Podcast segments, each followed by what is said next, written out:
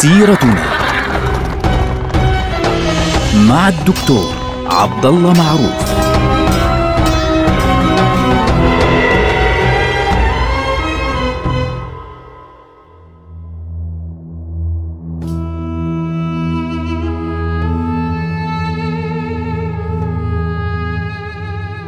السلام عليكم ورحمة الله وبركاته. سيرتنا سيرة هذه الأمة ونحن الآن في واحدة من أصعب مراحل حياة هذه الأمة الفتنة الكبرى. نحن الآن في عهد علي بن أبي طالب رضي الله عنه وأرضاه وقد انتهى من معركة الجمل، المعركة التي استشهد فيها غيلة وغدرا آه، طلحة بن عبيد الله والزبير بن العوام ابن عمة رسول الله صلى الله عليه وسلم. كان يوما صعبا على المسلمين كان يوما شديدا جدا على علي بن أبي طالب رضي الله عنه وأرضاه، كان يوما صعبا على السيدة عائشة رضي الله عنها، كانت تقول: ليتني مت ولم أسر مسيري هذا، ليتني لم أشهد ذلك اليوم. لكن الآن بدي اياك تضع نفسك في في مكان الأطراف المختلفة. الآن لما وصل الخبر إلى معاوية بن أبي سفيان في الشام وصله على الشكل التالي أن آه، طلحة والزبير خرجا ليطلبا مع السيدة عائشة خرجوا ليطلبوا دم عثمان رضي الله عنه وأرضاه. وبالتالي آه الذي حدث أن أهل الفتنة كانوا مع علي في جيشه. لاحظوا المعلومة أنه كانوا مع علي في جيشه فقاتلوهم وقتلوا طلحة وقتلوا الزبير وكادوا يقتلون السيدة عائشة.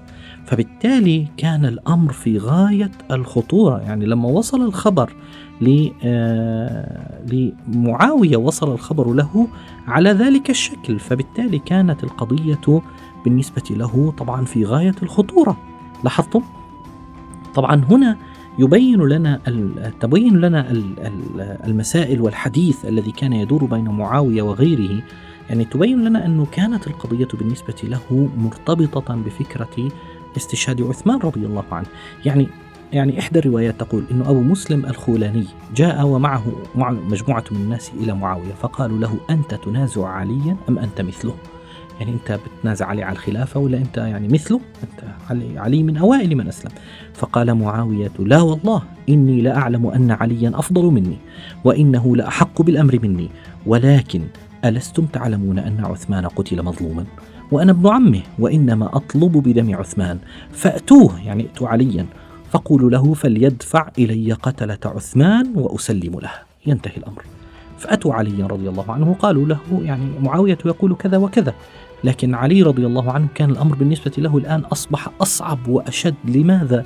لأن قتلة عثمان رضي الله عنه الآن أصبح لهم يعني مجموعات أكبر وأكبر من يعني قبائلهم أصبحوا يشكلون فعليا يعني عصب الجيش الذي مع علي بن أبي طالب رضي الله عنه فكان الأمر خطيرا بالنسبة لعلي. لم يستطع أن يعني يعني يخلص نفسه من هؤلاء الناس فلذلك لم يستطع أن يفعل ذلك. كان يشترط على معاوية أنه لابد في البداية أن تقول إني أبايع عليا ثم بعد ذلك نتفاهم على الأمر. فعلي يقول ذلك لمعاوية ومعاوية يقول العكس لعلي يقول له أنه في البداية تأخذ الثأر من قتلة عثمان سلمهم لي يعني وينتهي الأمر بعد ذلك وأسلم لك.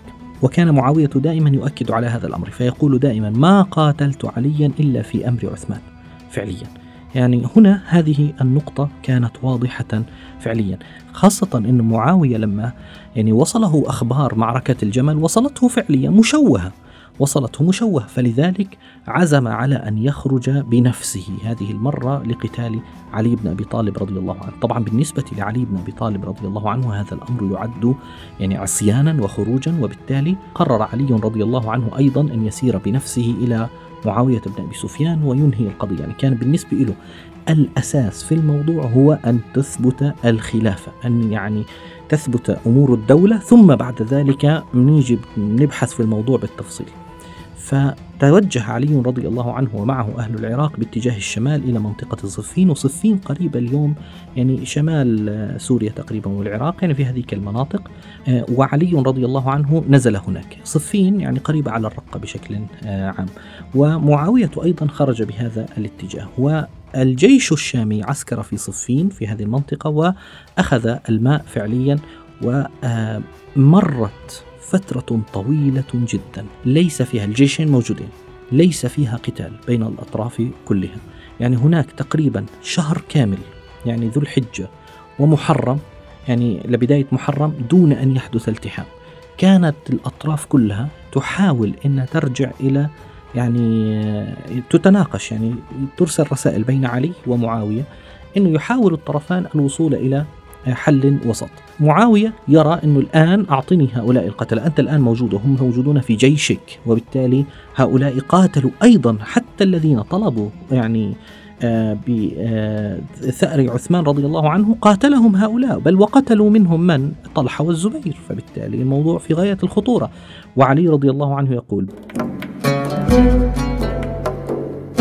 بايع أولا ثم نتفاهم على الأمر. طبعا بالنسبة لعلي رضي الله عنه كانت المسألة ترتبط فعليا بهيبة الدولة وهذا الكلام صحيح. لابد أن يأخذ العدل مجراه بالدرجة الأولى. يعني أبو العالي الرفاعي يقول لما كان زمن علي رضي الله عنه ومعاوية رضي الله عنه وإني لشاب يعني القتال أحب إلي من الطعام الطيب فتجهزت بجهاز حسن حتى أتيت صفين. فإذا صفان لا يرى طرفاهما. صفان عظيمان كبيران واحد منهم واحد منهم اللي هو جيش علي وجيش معاوية. فيقول إذا كبر هؤلاء كبر هؤلاء وإذا هلل هؤلاء هلل هؤلاء. فرجعت نفسي فقلت أي الفريقين أنزله كافرا؟ وأي الفريقين أنزله مؤمنا؟ فما أمسيت حتى رجعت وتركته. فلذلك الموضوع كان غير واضح لدى بعض الناس. يعني لم يكن هؤلاء يكفران بعضهم على فكرة. يعني واحد من الناس قال يعني في جيش علي قال اللهم لعن أهل الشام. فعلي رضي الله عنه قال لا تسب أهل الشام جمعا غفيرا فإن فيها الأبدال. فبالتالي أوقفه عند حده. يعني واحد من الناس كان إلى جانب عمار بن ياسر رضي الله عنه وكان في جيش آه، علي رضي الله عنه فقال هذا الرجل كفر أهل الشام. فقال عمار لا تقولوا ذلك نبينا ونبيهم واحد وقبلتنا وقبلتهم واحدة ولكنهم قوم جهروا عن الحق بالنسبة لنا. نرى أنه حق علينا أن نقاتلهم حتى يرجعوا إلى الحق. واضحة؟ يعني المبدأ ما كانت القضية يعني قضية أنه والله هذا الطرف يكفر هذا الطرف إلى آخره. فإذا لم يكن هناك قتال كان البعض يدخلون حتى في عسكري البعض الآخر. فهذه كانت القضية يعني فعلا كان صعبا. لكن بعد أن يعني وصلت الأمور إلى طريق مسدود بين الطرفين لكن للأسف الشديد حدث قتال. نعم للأسف حدث قتال.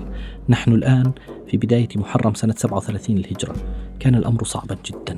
كان المسلمون يعني في ذلك الوقت كل طرف يتأول أن الطرف الآخر يعني هو فئة باغية على على الحق. جيش معاوية يرى أن جيش علي يعني بغى على الحق فبالتالي لا يريدون أن يسلموا قتلة عثمان رضي الله عنه الذي قتل مظلوما. وجيش علي رضي الله عنه يرى أن جيش معاوية رضي الله عنه آه، جار على الحق. وبغى على الحق وبالتالي خرجوا عن طاعة أمير المؤمنين ولا يريدون أن يعطوا البيعة لأمير المؤمنين. فبالتالي بدأ القتال وكان قتالا شديدا جدا. الذي يدلنا أن الناس كانوا متأولين.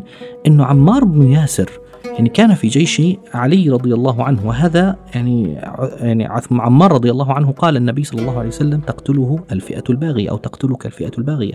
فلما قتل عمار رضي الله عنه أثناء المعركة عمرو بن حزم دخل على عمرو بن العاص فقال له قتل عمار وقد سمعت رسول الله صلى الله عليه وسلم يقول تقتله الفئة الباغية. فعمار بدأ يرجع لا حول ولا قوة إلا بالله فزعا حتى دخل على معاوية إن لله وإنا إليه راجعون. فقال له ما شأنك؟ فقال قتل عمار. قال معاوية طيب قتل عمار فماذا؟ قال عمرو. يعني قال رسول الله صلى الله عليه وسلم تقتله الفئة الباغية. فقال له معاوية ضحضت في قولك أنحن قتلناه؟ إنما قتله علي وأصحابه جاءوا به حتى ألقوه تحت رماحنا.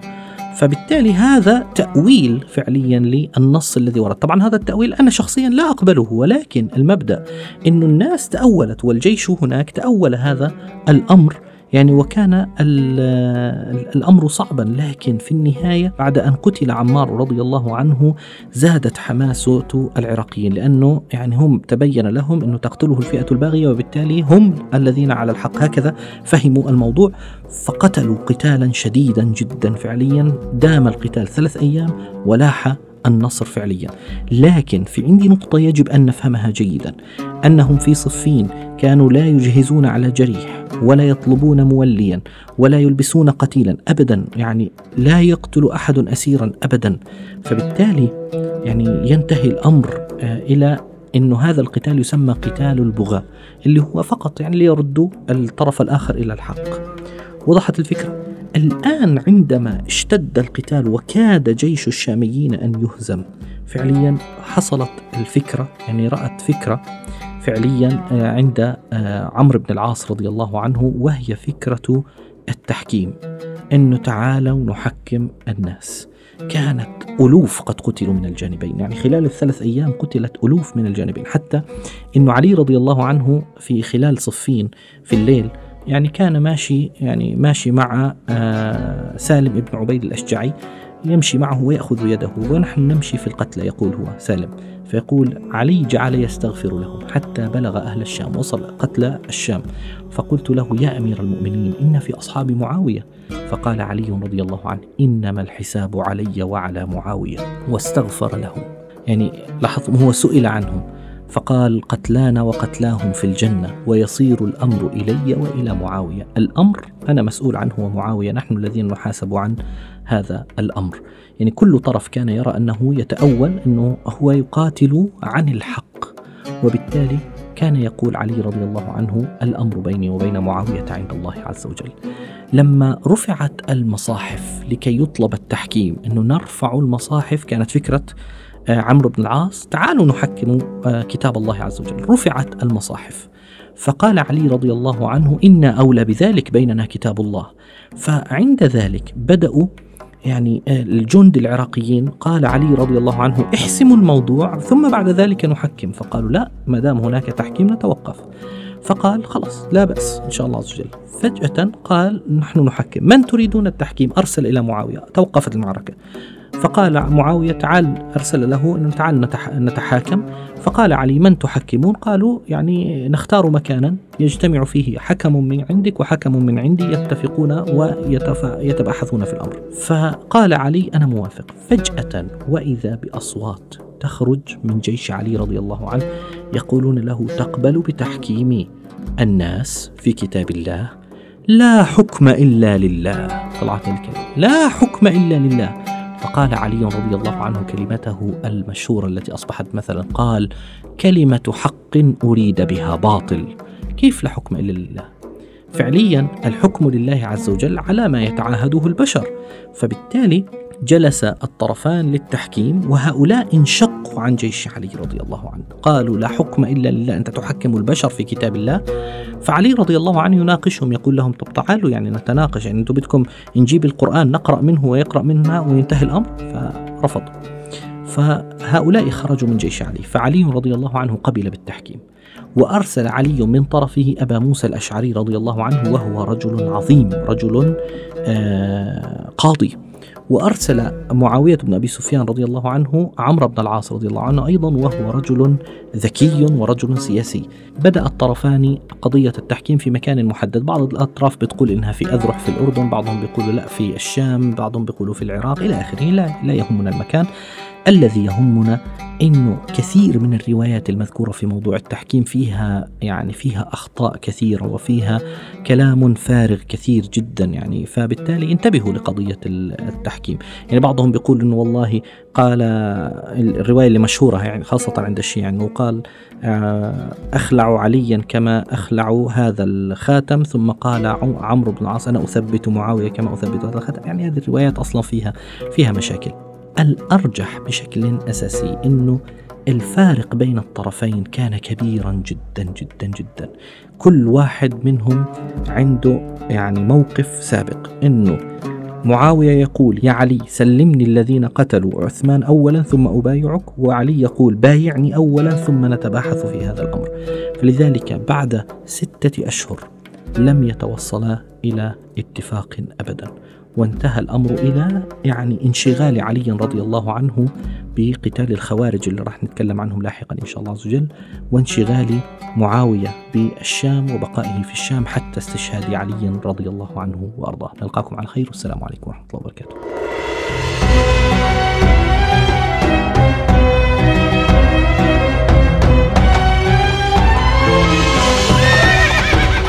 سيرتنا.